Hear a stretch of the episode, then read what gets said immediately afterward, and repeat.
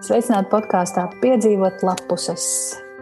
Sveicināti decembrī. Jūs klausāties šo decembrī, bet mēs runāsim par novembri. Un novembris mums ir. Mums ir no shave, neskūšanās mēnesis un, un lasi latviešu mēnesis. Par ko tad mēs šodien runāsim? Tad nu, klausieties tālāk. un sarunā šodien man pievienojas kā vienmēr Sandra, kas ir eh, skaistāko fotoautore, nāca pielasīt sirdi. Čau, Sandra! Čau, meitenes un čau, klausītāji! Sandra ir īpaši saguras šodien, jā, šokolādi. Un uh, sarunā piedalās arī Zana, trušu un aizraujošo stāstu zinātāja, at Mom Who Reads a Lot. Čau, Zane! Čau, Aija, čau, Sandra un čau visi pārējie! Un sarunā esmu arī es, Aija, kas sapņo par savu humoru podkāstu. Lai jau sapņo, vai ne? Es būtu klausītāja. tu būtu klausītāja. Labi. es gribētu sākt šo sarunu kā, kā parasti, ne, bet kā jau iepriekšējā reizē, ar paldies visiem podkāstu patroniem. Mums joprojām ir tie paši trīs vecie labie Anetes Būkšelfa, Guna un arī Pieturzīmes. Pieturzīmes ir lielisks podkāsts, un es ikreiz klausos Aigas sarunas un domāju, kurš podkāsts ir labākais Latvijā. Piedzīvot vai pieturzīmes, un es nevaru izšķirties joprojām. Čau, Aiga! Uh, un uh, mums ir pievienojies arī jauns, uh, jauns patrons, tas ir Everts. Un Everts ir mans bijušais skolēns, kuram es uzrakstīju dusmīgu vēstuli, kā viņš savu studenta naudu tagad tērē savai bijušai skolotājai. Bet, jebkurā gadījumā, paldies viņam par to. Un Everts ir brīnišķīgs fotogrāfs arī Sandra. Everts, cik tas ir mīļi! Jā, viņam, viņam arī ir Viņam ir savs Instagrams un uh, varat pameklēt uh, viņa bildes Instagramā. Un es jau pieteicos fotosesijai. Varbūt, ka būs kāds ziemīgs, uh, ziemīgs kadrs ar mani un grāmatām un mežu, bet varbūt tikai ar grāmatām.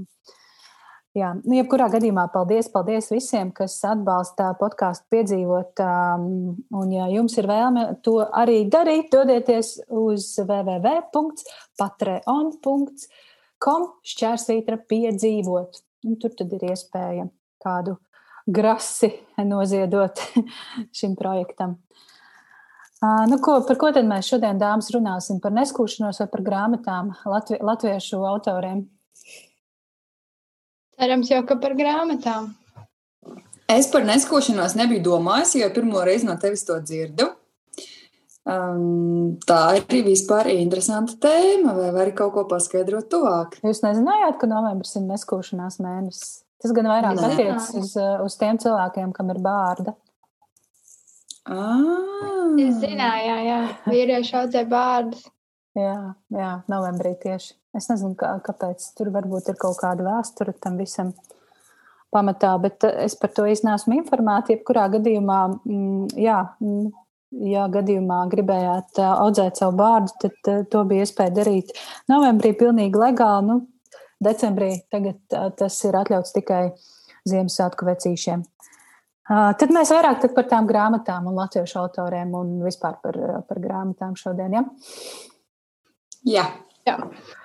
Mēs novembrī lasījām, visas trīs lasījām Svena Kusmina Hohmu un es, es uzreiz gribu sākt ar mēneša grāmatā, grāmatu, lai tas nepaliek uz beigām, kad mums vairs nav īsti spēka par to runāt. Tad tam galvenajam tematam pievērš, pievēršamies uzreiz. Uh, Svens, Svens Kusmins, Hohma, uh, podkāstā mēneša grāmata, un visas trīs mēs to arī izlasījām, ar mums kopā izlasīja arī mm, Anetes Būkšāp un Friderīts un slikti izrunāju kaut ko šo, šo nosaukumu. Frīda Rīts. Frīda Rīts. es atvainojos. Uh, un, arī, un arī man savu atsauksmi atsūtīja Vita Ozola, kas ir pārventas bibliotekas vecākā bibliotekāre. Nu, lūk, un, protams, arī mūsu pašu sajūtas un pārdomas pēc šīs grāmatas izlasīšanas. Ko teiksiet, dāmas? Aici, ka tev vispār jāizstāsta arī grāmatas izvēle. Man liekas, tev bija arī savtīgi mērķi. Kāpēc tu izvēlējies tieši šī, šo grāmatu šim mēnesim? Jā, protams, mums, es un Zēna, mēs studējam, kā, kā jau pastāvīgie klausītāji zina. Un, uh, mums bija seminārs aktuālajos procesos latviešu literatūrā, kur mums bija jālasa uh, latviešu autoru romāni, un viens, viena no izvēlēm bija Svena Kuzmina Hohma. Un tad es šo grāmatu ieraudzīju arī Sandras grāmatplauktā. Un tā kā Sandra ir prom Lietuvā, un Sandra, tev nav pieejami visi labumi, kas ir pieejami mūsu, mums, ar to es domāju, bibliotēkas, tad es jā, saliku kopā divus saskaitāmos un sanāca mums Svena Kuzmina Hohma, kā novembra izvēles grāmata. Un, manuprāt, tīri interesanti izvēle. Man vismaz likās interesanti. Es gan zinu, ko, ko Zana domāja. Mēs vakar jau, mums vakar bija seminārs par šo tēmu. Mazliet uh, dzirdēju Zanas viedokli. Bet, Sandra, tavu viedokli gan es neesmu dzirdējusi. Un klausītāji nav dzirdējuši arī Zanas viedokli. Nu, Kuras redz, ka, e, jā, nu, runājot par Hokmu, es varu pateikt, ka viņi pie manis atnāca tādu ceļu, ka man uzdāvināja viņa draudzene. Viņa teica, ka viņa izlasīja, viņai patika, un viņa zināja, ka es esmu izlasījusi um, Svēna pirmo grāmatu Pilsētas šāmaņa. Un um, man kaut kā pārsteidza um, tas, ka ir tā, tāda jauna balss literatūrā, man ļoti patika, varēja ļoti labi just. Viņam ir eh, tāda bagātīga fantāzija un bagātīga valoda. Un tāds labi uzrakstīts stāsts. Tam nevienmēr ir jābūt tādam, kas varbūt interesētu tieši mani, nu, kā personīgi uzzinātu. Bet dažkārt to stāstu to sajūtu, ka viņi ir labi paši pēc būtības. Nu, kad, kad viņā iekšā ir tas, ka viņ, viņām ir ko stāstīt un viņš māk to izdarīt. Un um, vairāk par pašām grāmatām man uh, simpatizē paša Svena Kusmina personība. Un, ja kāds esat lasījis intervijas ar viņu, tad um, viņš ir, mm, varētu teikt, liels mākslinieks, un viņš negrib sevi nekādi iegrožot. Jo pēc izglītības viņš ir uh, glaznotājs, iegūs arī maģistra grādu um, grafikā, arī ārzemēs ir studējis glezniecību. Viņš ir uh, milzīgs muzikamāns, Un, uh, viņš arī darbojas uh, teātrī, kas ir uh, Nertēna teātris. Viņš ir gan režisors, gan arī kā aktieris piedalās. Un viņam ir arī savs radio raidījums kopā ar uh, citu žurnālistu par literatūru. Un viņam tā lielā, kā viņš pats vienā intervijā saka, ka viņš esot bijis ļoti nepopulārs, jo kurš pusaudzis un vispār skolnieks vēlas rakstīt domrakstus kā puisis. Viņš redz, ir mans vienauds, viņš ir 85. gada dzimis, un es pilnībā viņu saprotu, jo, jo manā laikā mm, zēnam vispār labi mācīties, un kur nu vēl kaut kādā literatūrā, matemātika un fizika varbūt bija vēl pieņemama. Bet, kad kāds varētu teikt, ka viņam patīk rakstīt domrakstus, nu, es, es nespēju iedomāties, ka, kas notiktu ar to puisi. Un katrā ziņā viņš ir tāds spilgta, inteliģenta un, un es domāju, aizraujoša personība, kurā, kurā ir iekšā tik daudz, un kā viņš pats, pats arī saka, viņš ir lielākais sevis cenzors. Un, protams, tiklīdz tās viņa stāstus un grāmatas publicē, tad uzrodas tādi cenzētāji kā mēs. Un, un, un katram jau ir ko teikt, bet Bet rakstīt un, un radīt ir pats grūtākais. Un viņš pats arī saka, ka viņš jau neko visdrīzāk jaunu arī nerada. Viņš uz kaut kā pamata ir iespaidojies, uz kaut kā pamata ir iedvesmojies, un, un, un tas viņā vienkārši asimilēs un nāk uz āru viņa stāstos.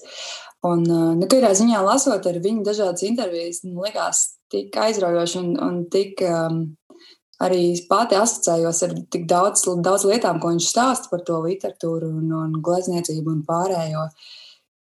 Katrā ziņā, jā, viņš ir arī saņēmis, ja nemaldos, Polikāpas balvu kā, kā, kā jaunais uh, rakstnieks.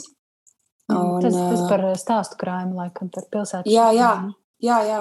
ne, ne, par, ne par hokmu, bet uh, par stāstu krājumu. Un uh, katrā ziņā man viņš ļoti simpatizē. Runājot par pašu hokmu, Hokma ir hohma, un um, te ir arī jāmin, kas īsti ir hohma, jo hohma um, ietver tās uh, divas pretējās lietas, kas ir gan grāmatā aprakstītas, gan pašā vārdu nozīmē. Viens uh, no vārdu nozīme ir uh, kā žargons, uh, kā joks, kas ir liela daļa arī grāmatas saturā, ka tas ir tāda ironija par pēcpadomu laiku un par pilsētu, kas ir, kurā, varētu teikt, puse Latvija varētu dzīvot, jo tā hohma varētu būt jebkurā, ne tikai pie jūras pilsētā. Un es ļoti daudz lietas asociēju arī ar savu bērnību. Un otra lieta, ko hohma nozīmē, viņa kā ebreju valodā ir kaut kas līdzīgs vārdam, kas apzīmē gudrību. Un tā gudrība ir arī tajos stāstos, kad zem tā visa slēpjas kaut kas, kaut kas beidīgs, uzplēsts un kaut kas, kaut kas tur tā sāpe lielā ir. Un, un, un, Un tas pats apzīmējums ir. Es teiktu, ka Hawkmē ir tā, ka um, viņi varbūt nevienmēr jālasa burtiski. Tur ir ļoti daudz uh, nepieciešams uh, zināt, kā angļuiski saka, backgrounds. Nu, tā kā saprast, uh, uh, kas tas ir pa laiku, ko, ko tie cilvēki tieši arī tā varēja domāt. Un tad tā grāmata vairāk ir izprotama, un tie joki arī liekas, varbūt vairāk smieklīgāki un, un, un tās dramatiskās vietas uh, dramatiskākas. Mm. Paldies, Sandra, par plašo stāstījumu. Jā, Svens Kusmins, es nebiju neko lasījusi no viņa iepriekš. Nu, šo stāstu krājumu pilsētas šamaņas nebiju lasījusi. Un Hohmam bija pirmā satikšanās ar šo autoru, un es biju rīktīgi, tiešām ļoti pārsteigta par šo tās prātību, par man tā balss bija saprotama, tas, tas, kā viņš rakstīja un par ko viņš rakstīja, un tās nianses, ko es tur sajūtu, man tās likās saprotamas. Un, Zani jau šo ir dzirdējusi, ko es te tagad runāšu, bet man liekas, ka tie tēli, tie, tie nu, pārsvarā tie ir vīrieši. Kaut gan šajā grāmatā ir arī ļoti, ļoti spilgti sieviešu tēli. Jā, ceramies kaut kādai Paula stanti. Um, tad eh, šie, šie vīrieši ir tādi tipiski 30 gadnieki uh, savā, savā dzīvē apjukuši, pazuduši, nes, nesaprot, viņi nesaprot, kas notiek, kas viņi ir. Un šī galvenā varoņa Marka Formana ik pa laikam uzdotais jautājums citiem un arī pašam sev, vai tev neliekas, ka tu neesi tu, bet kāds cits? Un tas man liekas arī tā mm, diezgan spilgti jūtams ikvienā no šiem stāstiem un tajā kopsajūtā. Mm, jā, bet es zinu, ka Zanai ir pilnīgi citādākas sajūtas. Taisnība. Neuztraucies, viss ir slikti un būs vēl sliktāk. Bet, um, man grāmata kopējā ziņā patika. Man patika tas humors, un, un, un, un, un tā bija tāda lai pasaka, nedaudz savādāk grāmata nekā ierastas lasītu. Uh, vīrišķās dominantes un viss pārējais. Uh, bet man īsti nesaistīja tas laiks, laikam, ka, par kuru ir rakstīts, jo es tad neesmu dzīvojis un laikam diezgan maz par to zinu. Un tagad tas vairāk bija no vīriešu skatu punkta un vīriešu eksistē, eksist krīzi. Uh, tāpēc šoreiz man tas nebija tik tuvu kā citreiz, ka tas ir no sievietes skatu punkta vai par vēstures dažādiem notikumiem uzrakstīts. Bet uh, visā kopumā es darbu vērtēju kā veiksmīgu, jo humors bija labs. Un uh, Paula Stanta bija vienkārši fantastiska. Un uh, Ursula arī ir vienkārši fantastiska. Tajā vietā varēja smieties un smieties. Un, kā jau vai vakar teica, tajā momentā, kad viņa caur vectētiņu domāja, ka viņa sarunājas ar savu māti, bet patiesībā vectētiņš vienkārši krāts. uh, Man, es nezinu, varbūt tas nebija īstais laiks, lai lasītu šo grāmatu. Kā jau es atsauksmē lasīju, man tā šī grāmata bija kā miegzāles. uh, Es nezinu, kāpēc. Arī vienkārši man šomēnes bija tāds brīdis, kad uh, es mazāk lasu.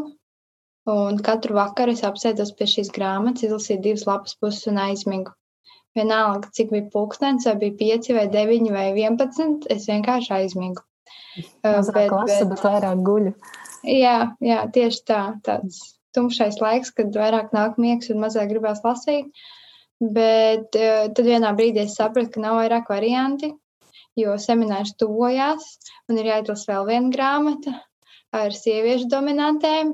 Man vienkārši jāapsēžas un jāizlasa. Un tā es vienkārši apsēdos un izrāvu cauri. Un tad beigās viņi man piesaistīja daudz vairāk nekā pirmās 22 lapas puses, kad es desmit dienas pēc kārtas biju uh, lasījusi un aizmigusi.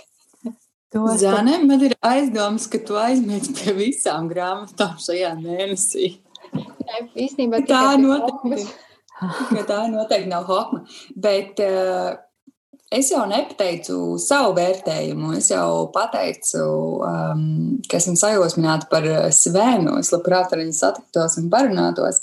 Um, pati grāmata, vai es viņu kādam ieteiktu? Es zinu konkrēts cilvēks, kuram, kuriem šāds darbs un humors ļoti patiktu.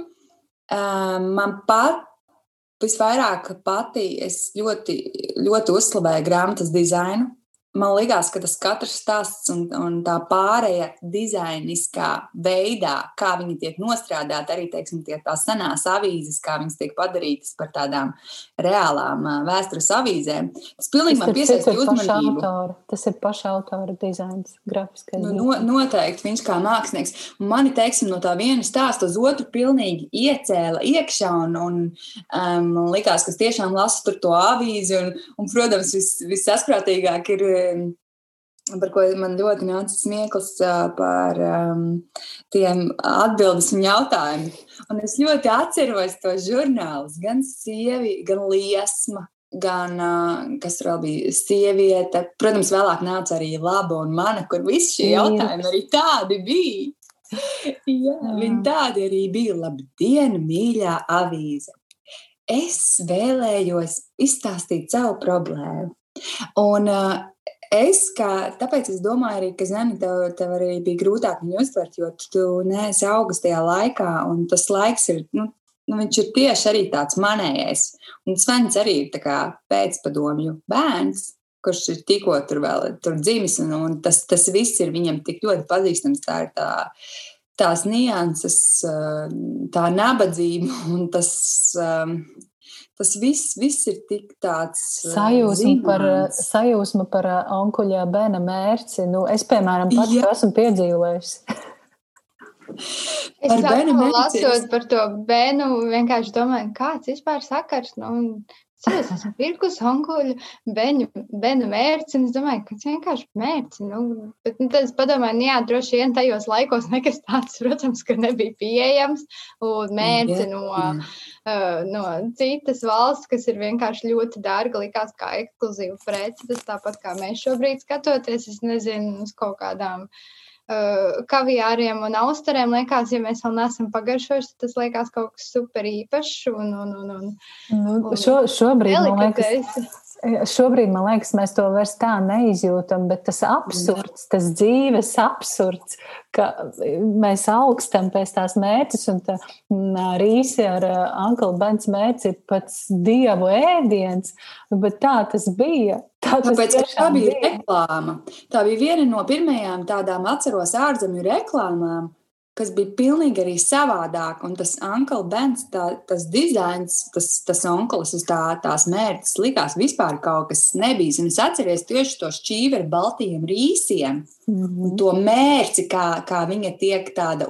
Jo man nekas tāds mājās nebija. Mēs nekad kādus rīsus ar kādu mērci. Un tas bija kaut kas tāds, wow, tur tie gabaliņi. Un likās, wow, man tā gribētos tādu mērci, jo tas ir kaut kas, kaut kas nebijis. Es, protams, es vairāk fanoju par atceros par pirmajiem apelsīniem un banāniem, kur bija tās uzlīmītes, kuras varēja noņemt un tad viņas līmēt un krāt.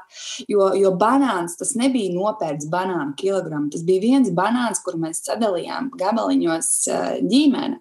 Tas bija tāds notikums, vai pirmās apaļās konfektes no Vācijas, kas tika atvestas. Tas, tas bija vispār vispār kaut kas neredzēts, kaut kāds, kaut kāds dārgums, kaut kāds brīnums. Un tāpēc tās lietas, tas deficīts, ja, tas uh, vienmēr tā dalīšanās ir, ir tik izteikts, ko, ko tagad es, es vispār, nu, kā to tagad var izstāstīt? To nevar izstāstīt. Labi, es, es dzirdu šeit divas lietas, ko es gribu pajautāt, un viena no tām ir. Uh, uh, nu, es saprotu, ka šī grāmata ir labāk saprotama kaut kādai konkrētai paudzei. Kā jūs tam piekristu? Jo, jā, Zana, kaut kāds tas kultūras slānis īsti nav saprotams vairāk. Tu esi piedzimusi mazliet vēlāk, kad tas vairs vispār nav aktuāli. Un, un savukārt mēs tā, to, to, to ironiju un to absurdu saprotam un esam pat izdzīvojuši, es un Sandra, un, un, un nu, tad attiecīgi mūsu paudzes cilvēki, un droši vien, ka tie vecākie arī. Tad, jā, ņemot vērā šo, tad tālāk var skatīties, kas, kam tad ieteikt šo grāmatu lasīt.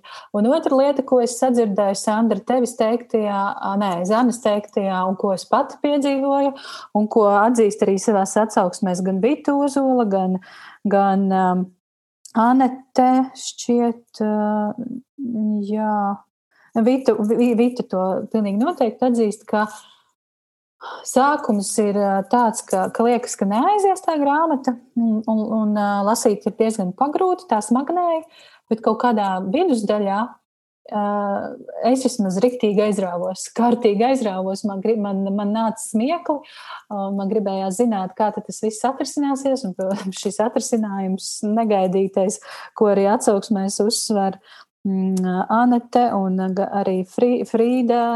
Frīda Rīts, ka atrisinājums ir negaidīts un uh, pat šokējošs, un kā tas viss tur tā pēkšņi atrisinās. Bija tā, kā, ka sākums nevisai, bet uh, pusē grāmata riktīgi aizrauja. Man liekas, ka es kaut kur pie Paula stāsts aizrāvos. Bet uh, tikko sapratu, ka man visvairāk patika grāmatas varones. Ursula un Paula Stante, lai gan grāmata lielākoties dominē no vīriešu kārtas varoņiem. Interesanti. Bet jā, no Paula Stantes es neatceros, kas tas bija. Tas bija kaut kas pirms vidus, man liekas.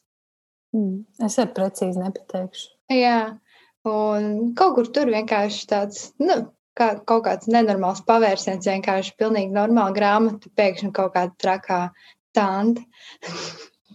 Nu, bet šis Ursulas stāsts, ko arī Anita savā atsauksmē piemin, šis glertp, nosaukums ir glertp.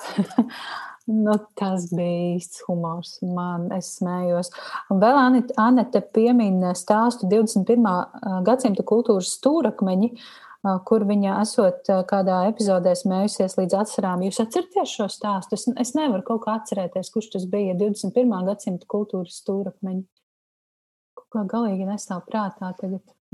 Man tā grūti uzreiz pateikt. Um, tas, tas Nē. nav tas, kur viņi dzēra tās uh, zāles pret paģirām, ne? Mm. Vai tas saucās savādāk? Tas, es neatceros, bet ļoti žēl. Es esmu arī grāmatu atdevusi atpakaļ bibliotekā. Nevaru ieskatīties. Andra, paskaties. Sandrē bija pie rokas grāmata, jā. Būtu interesanti paskatīties. 21. gadsimta kultūras stūrakmeņi. Un jūs varat turpināt, tad varbūt laika gaitā es jums izstāstīšu vēlreiz. Jā, kurš jums bija, kurš, kurš jums bija tas smieklīgākais stāsts? Vai smieklīgākais, nu, man, man, amizantākais mirklis vai šokējošākais mirklis šajā grāmatā? Nu, man smieklīgākais likās tieši tas, kad kad uh, māte stāsta, ka uh, viņam, viņa dēlam ir interesanta nodarbe, ka viņš iet skatīties uz uh, nu, mēslu čupu, nu, uz kompostu kaudzi. Ko viņai darīt, jo tas nesot normāli, ka viņa izmēģina visādi, bet viņš tur iet un skatās un uh, fotografējot no dažādiem rakursiem un uh, telefonā glabājot bildes pa folderiem, uh, kas kurā dienā mainās, uh, kā, kā kompostu kaudze. Nu, uh, tur, baktērijas tur e, apgrozījās un satrūdē, un ko darīt. Un tas man likās tāds. tas man likās tāds labs stāsts. Jā. Zana, tu jau minēji, ja, Paula stāstu. Bet, bet man arī patika pašās beigās, kad uh, bija tie apmainītie zīdaiņi. Un tā analīze tam vīrietim, kas veica it kā pētījumu par to, ka viņiem ir jāpiedalās kaut kādā konferencē, bet tas zīdainis ir diezgan skaļš, un tad viņš viņus apmainīja, tagad ir labāk tas pētāmais objekts ir klusāks, bet, bet uh, tur jāapsver, tik zinātniski uzrakstīt, jāapsver viss, ko teiks sieva. Viņa noteikti pamanīs, ka šis nav īstais zīdainis. Tur es arī diezgan sasmējos, ka tik tehniski uzrakstīts, it kā cilvēks vienkārši sajūtas prātā apmainīs zīdaiņus un tik tehniski uzrakst, ka jā, šis ir klusāks. Tas ir labāk. Mm. Es atradu stāstu par eh, stūrakmeņiem. Eh, tas ir domāts kā nākotnes vēstulē, stāstīt, eh, kādas lietas mums ir mūsdienās. Tā kā godātie antropologi un vēsturnieki. Un tad tur skaidro, kas ir vanna, bankomāts, ah. marinācijas, benzīns. Un tas skaidro tos vārdus. Alus, kas ir alus, mm. internets, mikroviņu krāsnes. Nu, tāds paskaidrojums. Forši. Anete uzraksta, kas tieši bija tas, kur tu smējies. līdz asarām. es gribētu zināt. Tā, ko es, vēl, es jums kaut ko vēl gribu? Ah, jā, tas tā kā mēs ar Zani šobrīd izglītojamies ļoti aktīvi, un viens no mm, studiju kursiem ir par prózas žanriem, tad, tad mēs arī diskutējām par to, vai cik ļoti šis romāns ir mm, pieskaitāms romāna žanram, vai tomēr tur nav kaut kādi stāsta elementi, to arī nu, Anita savā atsauksmē uzsver, ka viņa šos, šo grāmatu vairāk lasīja kā stāstus, kā nu, katru stāstu atsevišķi. Es gan, es gan saskatīju tur to kopainu, ko, manuprāt, ļoti labi veido tieši šie te, uh, Hohmas vēstneša it kā izgriezumi, vil, viltotās avīzes, uh, un, un ja tās rūpīgi lasa, uh, tad uh, tos diedziņus, kas sasaistā uh, varoņus, uh, kas katrā stāstā parādās, un kāds parādās epizodiski, citā stāstā tas ir atkal priekšplānā, un tad šie Hokmas vēstneša izgriezumi tos labi sasaista un var, var pamanīt, kā viss kopā veido veselumu, un tad mēs varam runāt jā, par romānu stāstos, drīzāk tā, drīzāk tā es teiktu. Kas vēl interesants atsauksmēs, Vita Ozola saka, ka šis darbs noteikti piestāv šim laikam, šī absurda estētika. Jā, es, es tam piekrītu.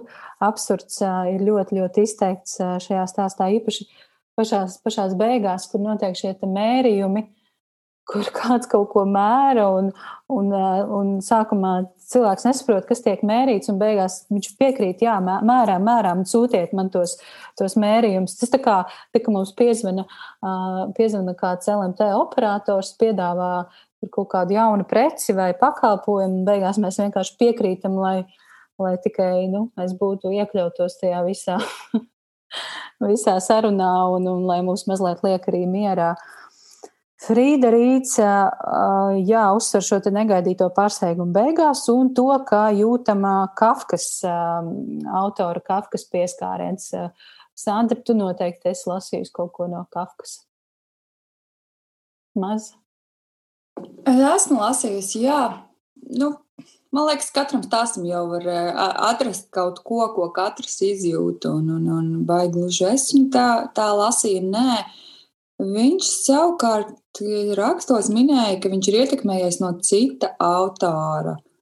Um, ja nemaldos, kas rakstīja rozes vārdā.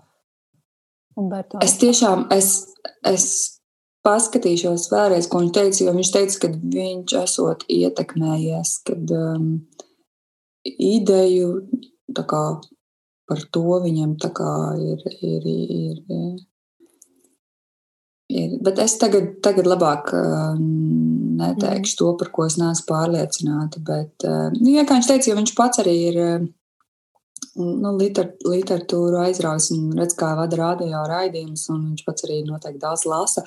Un viņš tieši arī teica, ka viņš negrib.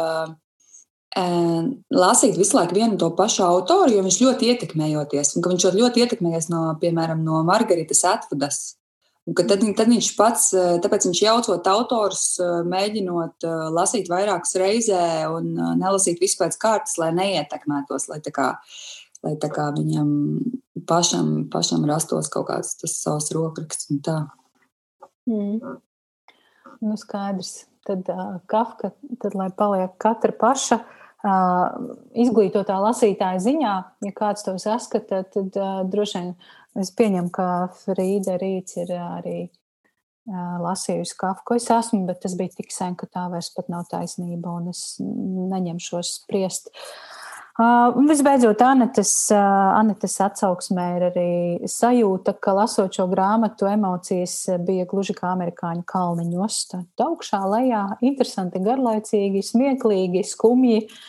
Es, jā, es pat varētu piekrist, ka tie smiekli reizēm mijās. Pat tajā stāstā par meiteni Ursulu, stāstā Glērta, tur bija šis te, mm, šī te ļoti specifiskā humora deva, bet arī mm, nu, skumja, skumjas tam visam apakšā, jo kāpēc viņa gribēja sazināties ar savu mammu caur aizmigušo vecstāvu, kurš krāts. Un, jā, tas, protams, ir sava deva um, skumjās emocijas tajā visā. Kā mēs ieteiktu, tomēr, ja mums vajadzētu kādam nopaļot šo sarunu un mēģināt kādam šo grāmatu ieteikt, Kas, kas būtu tie cilvēki? Nu, es varētu teikt, ka, protams, tas arī tas laika posms, tie, kas ir piedzīvojuši vienalga kādā ziņā, tie, kuriem varētu tas interesēt, tas laika posms, un kuriem interesē arī nezinu, vēsture un vēstures liecības. Un galvenais, man liekas, tāds lasītājs varētu būt tāds, kas lasa Satori, Rīgas laiku. Tas man liekas, un kuram patīk tāds humors un aiziet uz nevis vienkāršām stand-up izrādēm, bet tādām inteliģentām, kur vajag varbūt arī kaut kādas zināšanas. Man liekas, tas ir tas arī īstais, varētu tāds teikt, drusku ar alternatīvu pieskaņu, tāds lasītājs vai klausītājs vai patērētājs, kultūras patērētājs, kuram, kuram patīk domāt līdzi, tad, kad viņš izklaidējas. Kultūra baudītājs. Mm. Jā, domāt līdzi, tas būtu labs, labs piemetinājums, jo es domāju, ka arī Hohma ir pilnīgi noteikti ir tas darbs, uh, kuru lasot, uh, ir jādomā līdzi, bet uh, es neteiktu, ka, ka tas ir tādā, nu, nesliktā nozīmē, jo domāt nav slikti, un es nevēlos tagad iebiedēt visus, ka šo grāmatu neviens nesapratīs. Man liekas, ka tur var daudz ko saprast, un var daudz ko arī nesaprast, bet šo grāmatu var vienkārši baudīt nu, tā, tās ironijas dēļ. Zāne, tev ir vēl kas sakāms? Jā, es arī ieteiktu grāmatu cilvēkiem, kas ir piedzīvojuši laiku, kas tajā aprakstīts. Un tādiem, kuriem patīk humoristisks grāmatas, nevis vienkārši romāniņi vai trillerīši, kam patīk arī pasmieties lasot, nevis tikai paraudāt vai arī šausmināties un līdz zem segas. Nu ko, lieliski. Esam aprunājušās par Svena Kuzmina Hohmu. Un um, tas, ko es vēlos pateikt, runājot par mēnešu grāmatu, vēlos pateikt, ka decembrī mēs ņemam mazu, mazu pauzīti. Tā kā decembris ir tāds svētku mēnesis, un nu, kurš tad decembrī lasa grāmatas, viss tikai gatavojas svētkiem, un jā, mēs lasīsim, protams, ka mēs lasīsim, kur tad mēs liksimies. Bet visi gatavojas svētkiem, un, un ir daudz citu rūpju, un daudz apēdamu piparkūku un konfekšu paciņu. Tad uh, mēs paņemsim pauzīti un ļausim arī klausītājiem sasproties, jo mums ļoti, ļoti gribas, uh, lai jūs lasāt kopā ar mums un ra rakstītu arī savas atsauksmes. Tāpēc uh, decembrī apdomājieties, Jūs varat sūtīt arī mums kādus labus ieteikumus, ko mēs varētu izvēlēties, kā decembra grāmatu. Droši rakstiet uz piedzīvot at gmail.com. Varbūt, ka janvāra mēs ņemsim grāmata. Ah, jā, janvāri, janvāri. Pareizi. Varbūt, ka mēs pat ņemsim vērā jūsu ieteikumus. Bet jā, mēs, mēs koncentrēsimies janvārim. Decembrī dažas sērijas piedzīvot lapuses podkāstā būs, bet tad ar, ar Zāni un Sandru par, par izlasīto mēs tiksimies jau janvāra sākumā. Bet mēs vēl sarunu nebeidzam. Lūdzu, nespiediet pogu. Lūdzu, nespiediet to beigt pogu. Un mēs turpinām, mēs turpinām ar liels un mazs jaunumiem šajā mēnesī. Mums vispār vajadzētu kaut kādu jingliņu. Saņems, vai kāds, varbūt ir kāds klausītājs, kas varētu mums palīdzēt uztaisīt jingliņu. Ja nē, mēs to darīsim pašus. Tas būs. Jā. Tātad liels un mazs šajā mēnesī mums atsūtīja divas ļoti skaistas, katras savā veidā grāmatas. Viena no tām ir Jūras Virgsdiņa stāsts Kapteiņa Zirdziņš ar mākslinieka Mārtiņa Zuša brīnišķīgiem zīmējumiem. Un otra grāmata ir Māra Runguļa Pārupes spoku stāstu triloģijas trešā grāmata Asins lietus ar brīnišķīgi briesmīgajiem mākslinieka Kristiāna Brektes zīmējumiem. Tā, nu stāstiet, kā jums gāja ar šīm grāmatām, kā patika jūsu bērniem, jā, kā patika jums pašām? Nu, es varbūt sākšu uh, ar spoku stāstiem. Te arī ir jāzina tāda priekšvēsture, ka šī ir uh, viņa trešā grāmata, un pirmās ir iznākušas jau labi, labi pasen, un tas bija manā skolas laikā. Un, uh, es atceros spoku stāstus no bērnības. Tie gan nav tādi uh, kā gluži uh, spoks, Kaspars un tam līdzīgi tādi, bet varētu tādi teikt, kad ar eh, teikām apvīti stāsti, ko viens otram mēs eh, stāstījām. Toreiz jau, protams, nebija Facebook vai kaut kas tam līdzīgs, toreiz viens otram stāstīja, kā klusajos telefonos piefantazēja kaut ko klāt no sevis. Un tad par visām baltajām dāmām, un, un, un, un pīķa dāmām, un, un, un sarkaniem nadziņiem un tam līdzīgi. Un, um, šī autora viena no pirmajām grāmatām, atceros, toreiz bija arī skolas bibliotekā pieejama. Un kad es arī uh, uz, ieliku postu par uh, uh, liels un mazs tikko izdoto jaunāko grāmatu, tad man arī rakstīja, nu, klases biedri teica, O, es atceros, man skolas laikā bija tāds autors, viņš tur kaut kādas poku stāsti bija. Es saku, bet tas jau ir tas pats, tikai viņam ir nu, jaunākā grāmata iznākusi. Un tad viņi teica, ah, es nezināju. Nu, kā, protams, mēs bieži vien aizmirstam autorus, mēs tik zinām kaut kādas konkrētas grāmatas. Un uh, savā ziņā tas bija kā atgriezties bērnībā.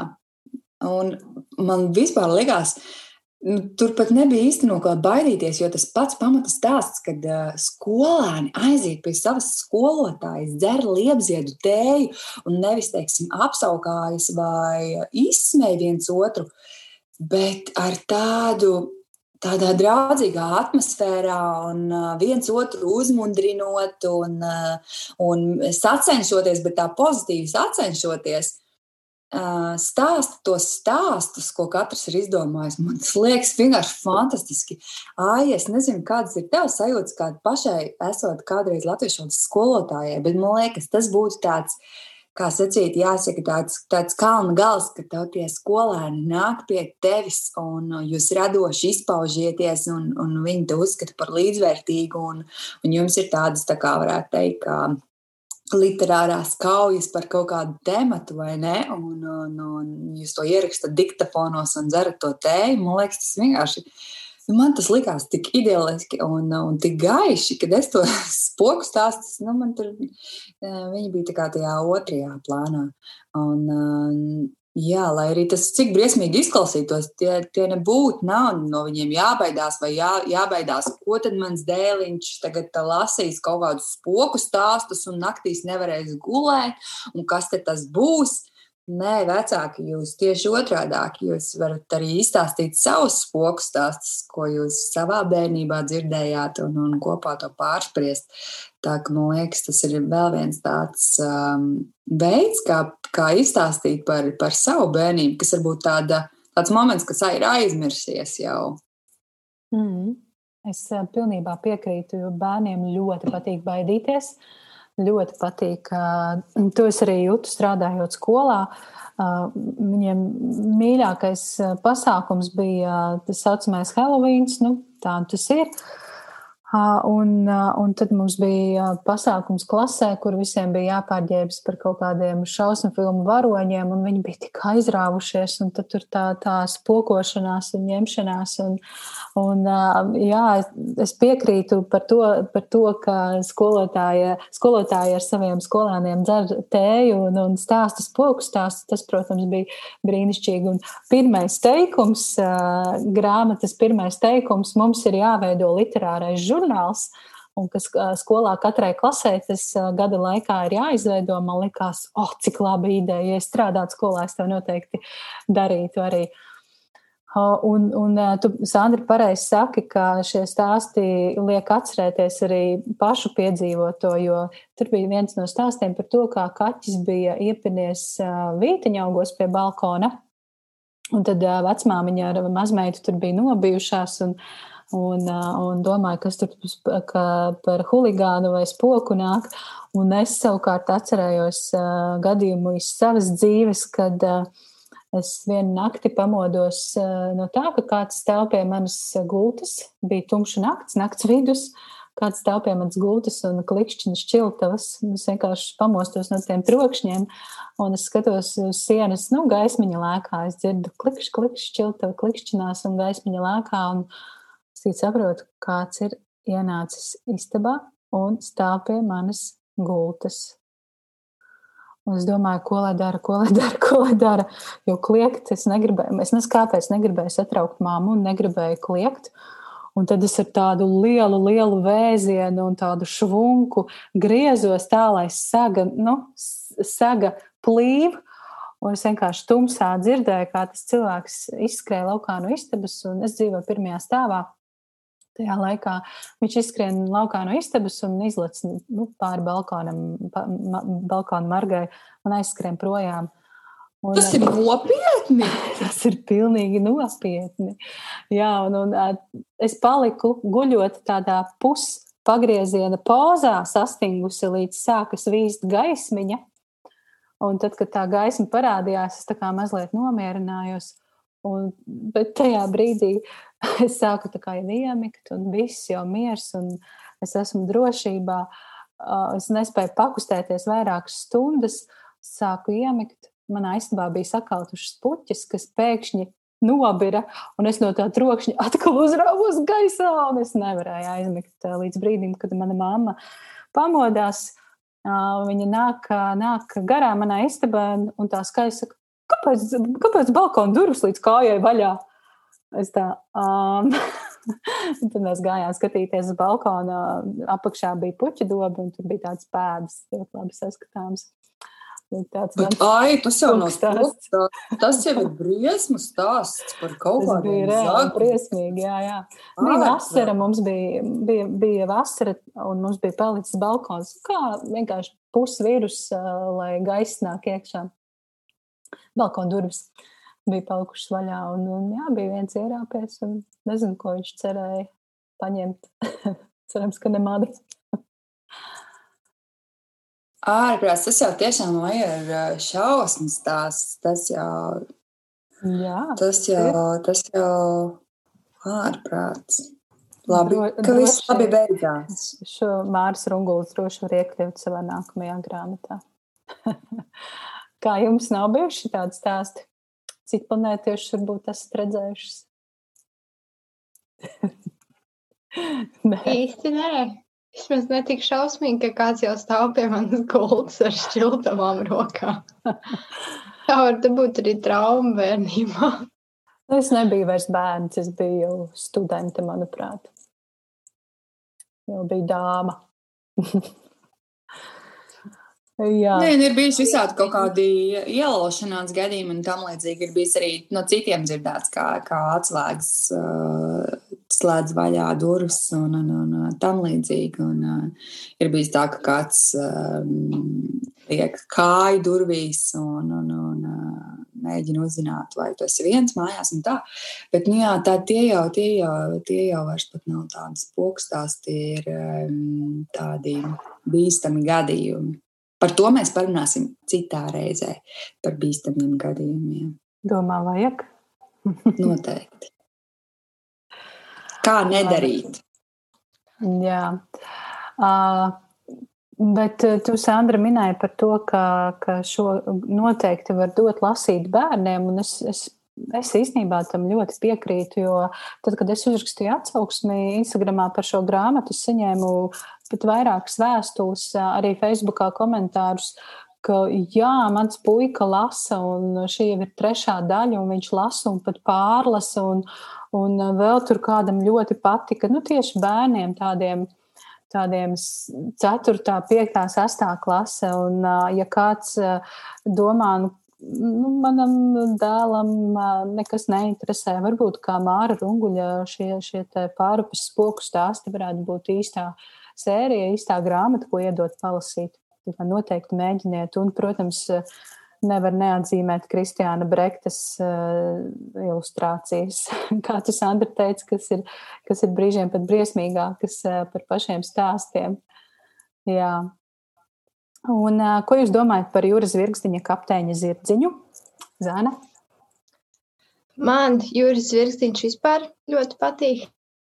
Um, mēs esam izlasījuši jau tāda ceturto viņa grāmatu. Mēs esam lasījuši Lausu Rūcienu un Mufu, un mums mājās ir arī Rases vasara, kas šogad ir bērnu žūrijas grāmata 5 plus, manuprāt. Un uh, ir zirgdiņš, man liekas, vienkārši māku uzrakstīt bērniem skaistus stāstus. Un šis, man liekas, ne tikai bērniem ir skaists stāsts, bet arī pieaugušajiem, kas uh, kas atcerās savas rotaļlietas bērnībā, uzreiz sāku domāt par savām mīļākajām rotaļlietām, kur viņas ir palikušas un ko viņas uz tā plauktiņa dara. Nedaudz atgādināja Toy Story, kur tās rotaļlietas atdzīvojās, un tad uh, iekuļās visādās nepatikšanās un piedzīvojumos, bet, bet visā vismā ļoti skaisti pasaka, kas mājā lasīja priekšā. Uh, Un uh, viņai arī ļoti patika. Viņa visu laiku jautāja par to sirdsapziņu, kā viņš tur jūrā un ko viņš tagad darīs. Un, jo viņš ir ūdenī, viņš var noslīgt, saka, bet nu, viņš jau ir rotaļlieta, viņš jau nevar tā noslīgt. Viņš vienkārši tur tā peld un viņš izpeldēs, viss būs kārtībā. Un tad mēs lasām, un jā, viņš izpeldēja ārā. Un ko viņš tagad viens pats darīs tajā pludmalē, ko neviens viņu nekad neatradīs. Pagaidi, izlasīsim tālāk, un tā mēs tiekam līdz tām beigām. Viņai ļoti patika.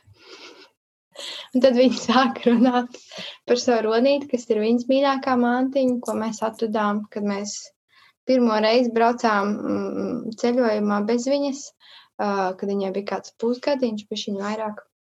Mēs braucām kruīzā. Un mēs atradām to ronīti. Viņa atpakaļ viņš bija agrāk tāds ļoti balts un ļoti, ļoti pūkains, tagad viņš ir ļoti pelēks un ļoti, ļoti uh, raupšs uh, visa tā spalva ir sen, sen sabružāta un tā tālāk. Un tad viņi sāk runāt, bet Ronas arī dzīvo jūrā. Es saku, jā, mums ir jāiziet viņš uz jūru un tur ir jāatstāj. Saku, jā, bet nu, tu viņu neatradīsi. Bet viņš atnāks pie maniem. Zirdziņš atnāca un Ronas arī atnāks pie maniem. Teicu, labi, mēs par to padomāsim.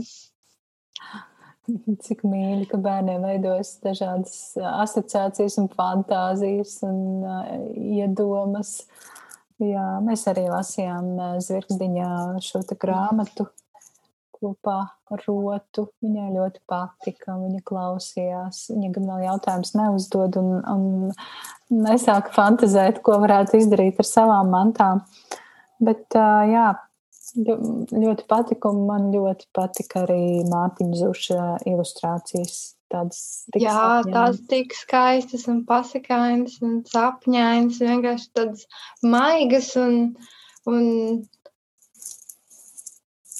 iztēli rosinošas, jo citreiz tās ilustrācijas ir tādas, ne, cilvēks un re, kur ir suns, un, bet šīs ir tādas, tu skaties un tu vari pētīt un pētīt, kas tur notiek, kā tās medūzas apkārtam zirdziņam kaimiņi, kā tās medūzas apkārt zirdziņiem peld un vispārējais ļoti skaista krāsu gama un pašas ilustrācijas.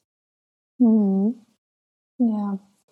Jā, tā kā milzīgs paldies uh, izdevniecībai Liels un Mazs par šo iespēju. Uh, jā, bučas, bučas, bučas par šo iespēju lasīt uh, divus jaunumus. Uh, gaidīsim, kas vēl iznāks uh, izdevniecībā Liels un Mazs. Varbūt, ka mums arī būs iespēja par uh, tiem jaunumiem jums pastāstīt. Jebkurā gadījumā uh, Lasiet gan Māri Runguli, gan Juris Virksdiņu, lasiet arī iepriekš pārunāto grāmatu. Visi skaitās, mēs joprojām skaitām ar šo grāmatu un priecājamies par ilustrācijām. Nu ko, par ko runājam tālāk? Man ir, man ir jautājums Sandrai. Sandra, tagad pasaki man, kā, kā divās dienās ir iespējams izlasīt 900 lapuses? Kā? Nu, tas ir tā, kā tu pateiktu, ja kam, ko, kas, ko, kā dara. Nu, es nemāku atbildēt šo jautājumu. Es varu pateikt tā, ka tas, nu, nu ja ir 300 eh, plus lapas puses, ja tu uz visu dienu, teiksim, tā kā gatavojies veltīt sev un, teiksim, darbi, kas tev ir jāpakārto pa vidu un tam līdzīgi. Tu viņus, teiksim, izdari kaut ko no rīta un, protams, pa vidu ir visas ēst gatavošanas un tam līdzīgi. Bet pamats ir tā kā gluži tā kā darbs, tu pievērsies lasīšanai un tad tā ir ļoti liela koncentrēšanās un um, tiešām tāds ieeja tajā tēlā. Jo es vienmēr to esmu teikusi, ka vislabāk man grāmatas patīk un vislabāk es viņas izjūtu un ieeju tēlos, ja es viņas lasu nepārtraukti. Nu, tās, tas, ir, tas ir ok, viena, divas dienas, bet nepārtraukti. Ja es pieķeros grāmatai, ka man bija pāris dienas pauzes, man brīžiem jādomā, kas tur tikko bija, kas, kas, kas bija Anna. Tā Anna bija galvenā varone vai nē. Ja kaut kādā ziņā tas aizmirsts, jo, protams, ja tu pievērsies savai sadzīvei un tam līdzīgi, tu nevari pēkšņi atiet atpakaļ, kas bija tajā tēlā. Interesanti Murakami bija, kad eh, viņam šai grāmatai ir tāds stils, kad ik pa laikam uh, atkārtojas. Jā, kas precizēt, ir, kas ir par ko teikt. mēs īsti runājam. Mēs par Murakami. Jā. Par Murakami uh, nogalēt komandoru. Un, uh, Un mēs ar draugiem pēc tam pārunājām. Es saku, kas viņam tāds priecīgs stils. Es saku, es taču to lasot dienā, es taču tikko lasīju, ka viņam ir 36 gadi, ka viņš ir tikko tur šķīries no sievas. Kāpēc man to vēlreiz stāsta un atkal stāsta? Un kaut kas bija teicis, ka laikam tā ir bieza grāmata, un kā cilvēki ik pa laikam, um, nu, teiksim, viņiem nav daudz laika, viņi lasa ar lielām pauzēm, un lai atcerētos, par ko grāmata, tā kā izstāsta, tā kā sērijās, kas bija iepriekšējā sērijā. Es saku, nu, kas tas ir? Es kā, nu, nezinu, kā lasītājs ņemu vienā rāvienā un nesaprotu, kāpēc man ik pa laikam atgādina, par ko vispār ir stāsts. Tas man likās tā, tā bišķiņa komiski. Bet, jā, es, ja es veltu grāmatai laiku, tad, tad es viņai veltu tad es viņai veltu laiku un lai izdzīvotu to tēlu. Tāpēc es saku, ja man ir um, sestdienas vai dienas šī grāmata, tad, tad es arī viņu lasu vienā rāvienā. Un uh, 30 lapas plus, plus tas ir standartā, ko es varu vienā dienā izlasīt. Jūs paskatās, ja grāmata.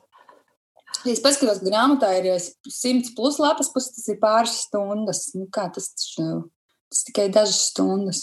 Tas nozīmē, ka var vairāk lasīt dienā. Cik, eh, Zāne, cik lapas pušu stundā izlasi? Es izlasu 40 lapas pušu stundā.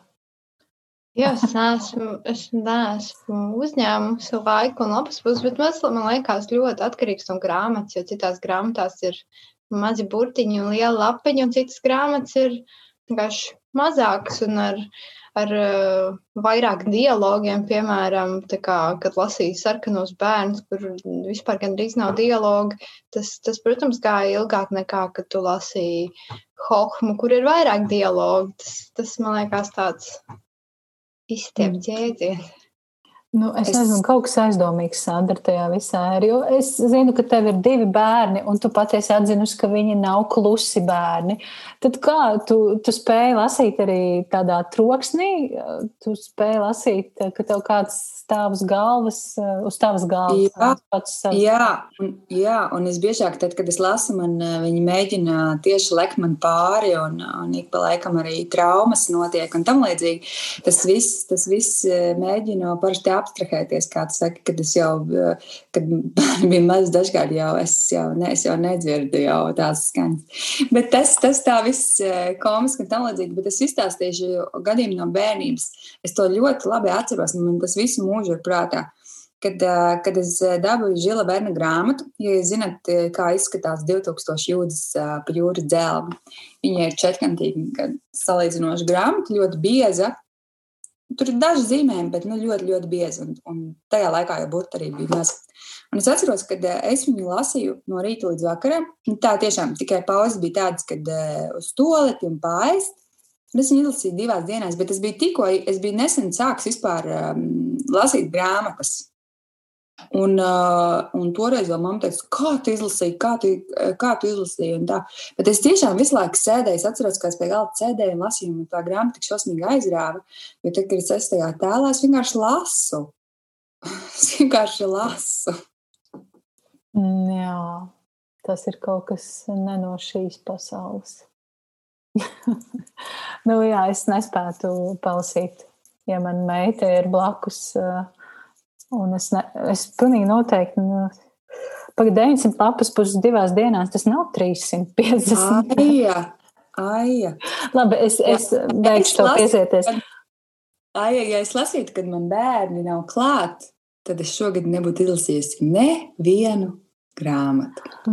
Nevienu. Es, tā, es tā sapratu, jā. Un, Nu jā, nē, nu es varu tikai apbrīnot uh, tos tempus, un tomēr tu esi ātrlasītāja. Manuprāt, tev ir kāda tehnika īpaša, ar ko tu negribi dalīties. Bet, nu labi. Un otrs jautājums man, Sandra, tev ir. Tā, tagad mēs parunāsim par to, kā mēs katru vērtējam grāmatas. Tātad Murakami, šī lieliskā grāmata, nogala, nogalināt komodoru lieliska, brīnišķīga grāmata 4,8. Leļu darbnīca. Interesanti, kas tur kā tur. 3,8 zvaigznes. Kas tas ir? Kas tā par gradāciju? Zana, es zinu, ka tu savā Instagramā arī liec zvaigznītes. Nu, vērtējumu grāmatai katrai. Bet tev, tu neesi tik, tik nu, tu neesi simtdaļās un desmitdaļās.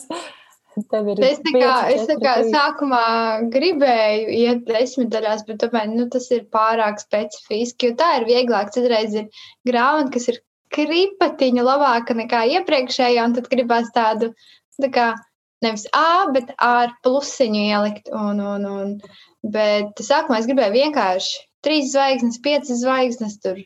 Un, bet desmit zvaigznes man patīk likt tās zvaigznītes pēc kārtas. Tā kā desmit zvaigznes izskatītos stulbi. Un tad sāku likt piecas zvaigznes, bet tad sākās grāmatas, kas bija tāds starp trīs un četri, starp četri un pieci, jo četri tā kā par maz, bet pieci nav arī izcila.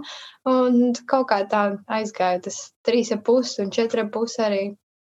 Trīs ar pusi es saprotu, četri ar, nu, četri ar pusi es arī saprotu. Man arī dažreiz ir tā, tā kā četri, bet tā kā nē, un tad gribas to pusīti ielikt. Bet, eh, Sandra, tev jau ir tiešām, man liekas, kaut kāda īpaša specifiska gradācija, nu, 3,8. Ko tas nozīmē apmēram?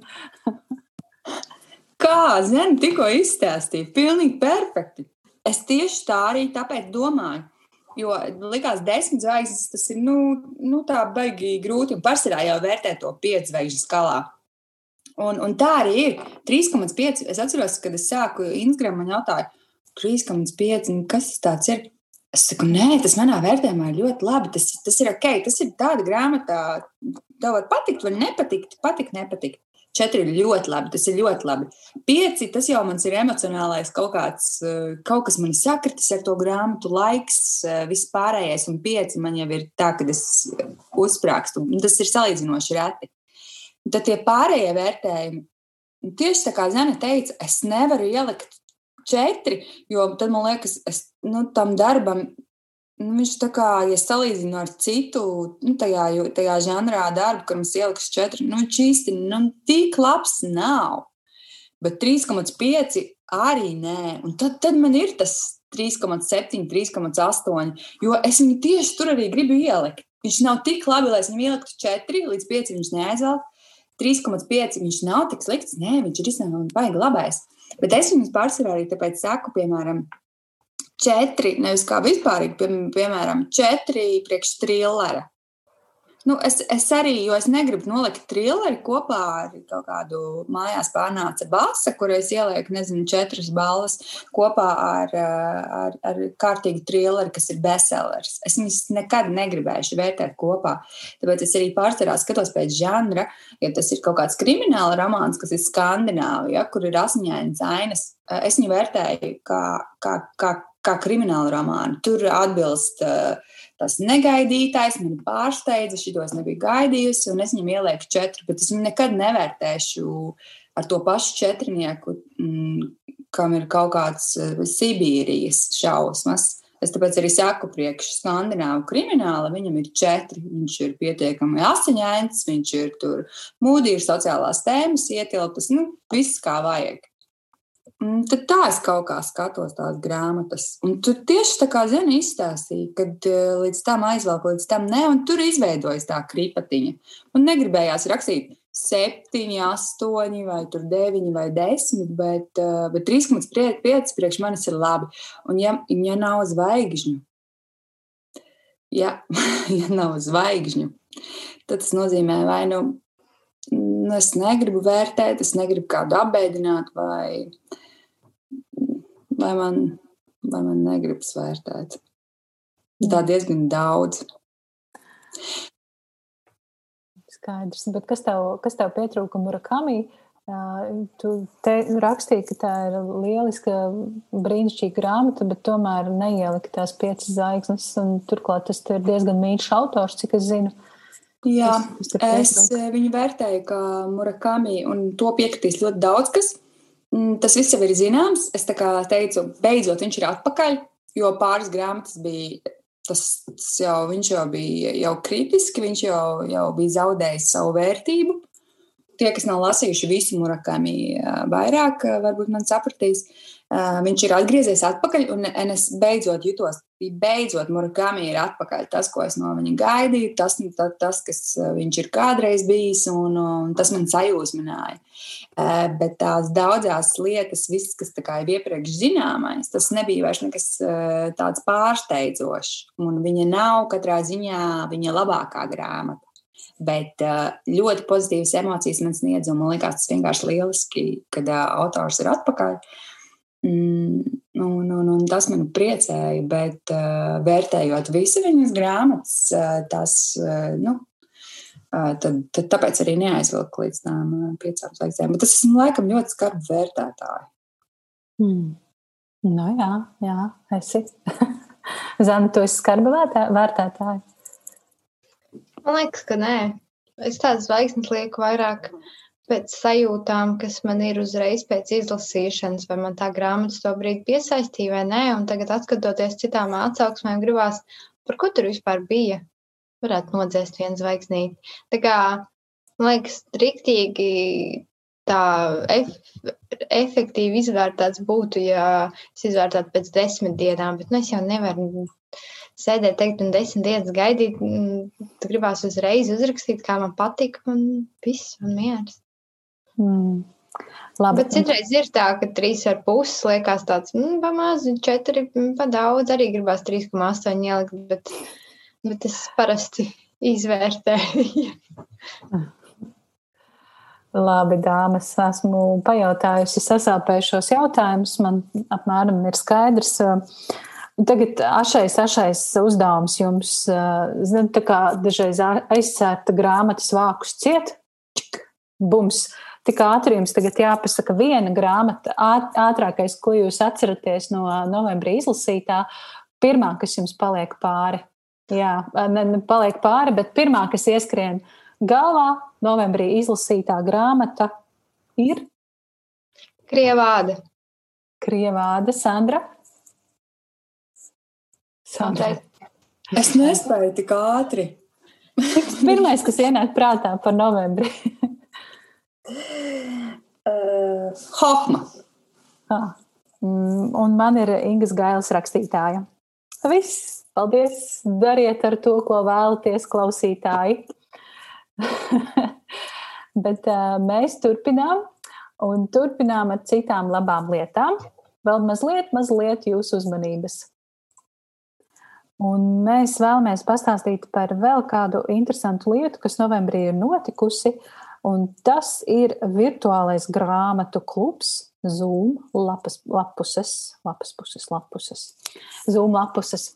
Jā, tas ir tāds ļoti interesants uh, projekts, fenomens, es pat teiktu, uh, kas radās, es pat neatceros, ah, tur bija tas stāsts par to Twitter ierakstu un, un par attālinātajiem grāmatu klubiem. Uh, Un kaut kā, kaut kā vārds pa vārdam, un tāds arī ir izveidojies. Un Zoom lapusēm ir savs Instagram konts. Un tas tam ar vien vairāk un vairāk sekotāju nāk klāt katru dienu. Un tagad, decembra vidū, mums ir jāorganizē otrā tikšanās, jo pirmā jau ir bijusi, kurā mēs uh, ar pirmiem dalībniekiem iepazināmies un norunājām, ko tad mēs lasīsim tālāk. Un tālāk mēs lasīsim kādu no Dātas Meijeras tulkojumiem, tulkotajām grāmatām. Nu, un, jā, un, un decembra vidū visticamāk būs otra tikšanās, un nu, es vairs nezinu, kas, kāda tā būs un kā tas izskatīsies. Cik šobrīd ir sekotāji Zoom lapusēm Instagramā? Kaut kādi pārsimtam ir, kas, protams, ir nereāli priekš uh, grāmatu kluba, jo, protams, eh, ja tas viss, teiksim, visi cilvēki ierastos eh, kaut vai virtuālajā vidē, tad tas visu dienu vajadzētu, lai katrs varētu drusku parunāt. Bet eh, tieši tāpēc, kā teica Jāņa Rozes grāmatu kluba vadītāji, ka viņiem ir cik tie 500 vai 5000 cilvēki, bet reāli ierodas 15 uz tām tikšanām, kas ir, es teiktu, pat daudz. Man liekas, optimālākais būtu līdz 10 lai būtu tāda mājīga atmosfēra un lai varētu katrs tikt pie runāšanas. Bet redzēs, kā iet. Pašlaik ir covid, un pašlaik visi, visiem pietrūkst tā komunikācija. Tāpēc es domāju, ka mēs kaut ko nelimitēsim, nedalīsim grupās kas vienkārši būs, kaut kas runās, un uh, cerēsim uz reālu tikšanos, ka varētu uztaisīt reālu tikšanos um, pavasarī, vasarā. Mm. Cerams, ka ne rudenī. Uh, un es domāju, ka to varētu reāli uztaisīt uh, vismaz vienu tikšanos, kad mēs arī reāli tiekamies un, un, un uh, iepazīstamies, varētu teikt, Instagram vidē, tie kas, tie, kas tur ir, tie aktīvie, ka mēs varētu tiešām uz jauku kafijas pasēdēšanu satikties zane. Zana, Zana nepiedalījās pirmajā, pirmajā attālinātajā tikšanās reizē, bet tā, tā tikšanās bija ļoti, ļoti jauka. Man bija prieks redzēt, redzēt sejā, ieraudzīt tos, ko, ko mēs ikdienā neredzam, bet kas ļoti daudz komunicē un stāsta par grāmatām, jo mēs grāmatnieki esam tādi dikti noslēpumaini tauta. Bieži negribam rādīt savas sejas. Uh, un, un runājam tikai par vērtībām, ja par grāmatām. un tad bija jā, ļoti jauki redzēt, kā tad izskatās tie aktīvie lasītāji. Uh, jā, un mēs iepazināmies, pastāstījām, ko nu kurš izlasīs un uh, ko, ko, ko lasīs. Tad ļoti jauka saruna, manuprāt, bija. Mēs bijām 12, 13 cilvēki. Un uh, šķiet, stundas laikā mēs tikām galā. Bet tad redzēs, jā, kad mēs tiksimies un, un kā, kādā sastāvā mēs tiksimies nākamreiz. Bet, jebkurā gadījumā, klausītāji droši var meklēt Instagram Zoom lapuses, kur šobrīd notiek, nu jau šķiet, ka kā noslēgusies šī akcija. Ja klausās, šo publicēju, publicēju decembrī, decembra sākumā, tad Ziemassvētku akcija ir noslēgusies. Sandra ir saorganizējusi brīnišķīgu apdāvināšanos, un tad pārējiem ir iesaistītiem ir jāgaida dāvanas. Bet tiem, kas klausās un, un nesaprot, par ko mēs runājam, tad uh, vienkārši priecīgus svētkus. Un mani, mani izbrīna, un tajā pašā laikā arī ļoti iepriecina šis fenomens, ko, ko mēs saucam par Zoom lapsēm. Tas ir brīnišķīgi, un tas ir sociālo tīklu lielais, lielais plus un bonus. Nu, ko, dāmas, ko jūs lasīsiet decembrī? Atpūtīsieties, ēdīsiet piparkūkus un, un rotāsiet eglīti, gādāsiet dāvanas, liksiet puzles, Dzēju. O, Zāne lasīs dzēju. Tu arī lasīsi dzēju, jo nav jau varianti, ir viņa jālasa. Jā, jā, mēs šo ierakstām 28. novembrī, un es vēl gribu līdz novembra beigām paspēt izlasīt Ingas Pizānas dzējas krājumu, sienu, ko nosiltināt. Kā tā? Sandra, ko tu lasīsi decembrī? Nu, man ir padomā vismaz šai nedēļas nogalē, kas gan sanāk vēl novembris. Oficiāli noteikti es pievērsīšos cukurbēnam, Es ļoti gaidīju šo grāmatu. Es ļoti uh, gaidu arī izlasīt uh, tevis aizdoto grāmatu Lietas, kas krīt no debesīm. Vispār plānu man ir daudz, bet uh, tas mīļākais teiciens kļūst ar vien reālāks, kad uh, grāmatu ir tik daudz, bet laika ir tik maz. Un, un, un parasti tieši pirms Ziemassvētkiem tas laiks paliek tik maziņš. Es nezinu, vai jūs to izjūtat, bet tik, tik, tik maziņš, ka es vienkārši nesaprotu, kur viņš izslīd, kur viņš pazūd. Mm. Jā, cukurbērnus tūlīt, tūlīt būšu pabeigusi. Tā, tā kā iesaku, lasiet, lasiet. Ah, un es atcerējos, es noteikti mans plāns. Tā kā tūlīt, tūlīt iznāks um, Zemes Eniņas grāmata par, um, par viņas ceļojumu uz uh, Antarktīdu. Mm -hmm. uh, jā, uh, pingvīns, un uh, es ļoti, ļoti ceru, mm, vismaz decembrī viņu, viņu izlasīt un dabūt, jo to jau tad, kad es vienā podkāstā dzirdēju, ka viņi piemin, ka viņi raksta šo grāmatu, tad jau es kā, sev atzīmēju, kad jāatceras, eh, kad jāpiefiksē, kad, eh, kad iznāks viņai šī grāmata, un viņi tūlīt, tūlīt jau, jau nu, vai nu tiek drukāta, vai nu tūlīt drīz eh, nonāks veikalos un pie lasītāja. Un es zinu, ka daudzi ceļotāji, sevišķi tāpēc, ka tagad nevar ceļot, un zinot arī visu to, to iepriekšējo stāstu par to Antarktīdu un, un, un to sociālo akciju un visu pārējo, kad tas varētu būt interesants ne tikai no ceļojuma viedokļa, bet arī no antropoloģiskā viedokļa, kā cilvēki mēdz šūmēties un, un uztaisīt no mušas ziloni un, un, un visu pārējo. Es negribu jums atklāt stāstu. Noteikti, ka Zana pati būs izstāstījusi visu to stāstu, kas tur, kas tur notikās. Jā, jā mēs, mēs lasīsim. Es arī, es arī ceru, ka kaut kā gan jau ka bibliotekā vai kā citādi tik, tikšu pie šīs grāmatas. Es arī gaidu grāmatu izglītotā, kas solās arī drīz iznākt. Vispār ļoti daudz ko gaidīt, un plauktā ļoti daudz lasāmā stāv. Ļoti daudz. Nu, ko, Tiksimies janvārī. Tev sanāk. lai visiem skaisti decembris, lai priecīgi svētki.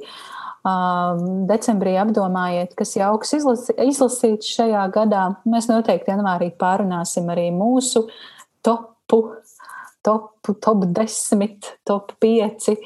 Nezinu, cik tālu mēs iesim. Nu, jo top mēs, jau, mēs varam arī top 100 uztaisīt. Jo... Mēs varam. Ja kam nav 100, tie, tie var. Jā, būs ļoti daudz šogad izlasīts, un es jau tagad zinu, ka nākamajā gadā es labprāt gribētu lasīt mazāk. bet, bet tas ir reāli. Bet Instagrams spiež vai ne? uz priekšu un uz lapas. Ko es gribēju vēl pateikt? Es eh, decembrī gaidīšu tie, visus to, tie, kas piedalās uh, grāmatu sūtīšanas pasta akcijā. Es gaidīšu kaut kādas atsauksmes vai bildes, kad ir saņēmuši paciņas, lai varētu kaut kādā ziņā uh, redzēt un atzīmēt nu, ka teiksim, visi ir saņēmuši, lai nav tā, ka kāds klusiņām sēž un, un nav saņēmis, kāds, kāds ir aizmirsis aizsūtīt, un, un tad kāds ir bēdīgs bez dāvanas palicis, lai mēs to varam risināt. Jo man ļoti interesē, es cik zinu, visi iesaistītie ļoti nopietni tam gatavojas un, un saka, ka tā ir tik liela atbildība uzdāvināt kādam grāmatu.